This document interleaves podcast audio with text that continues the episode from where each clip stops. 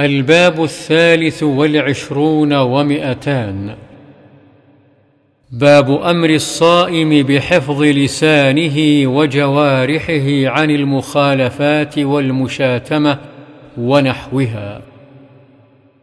عن أبي هريرة رضي الله عنه قال قال رسول الله صلى الله عليه وسلم إذا كان يوم صوم أحدكم فلا يرفث ولا يصخب فإن سابه أحد أو قاتله فليقل إني صائم.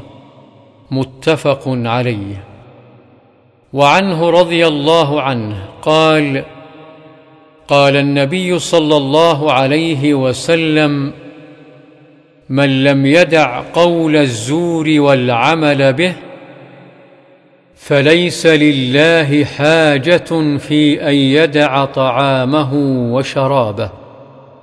رواه البخاري.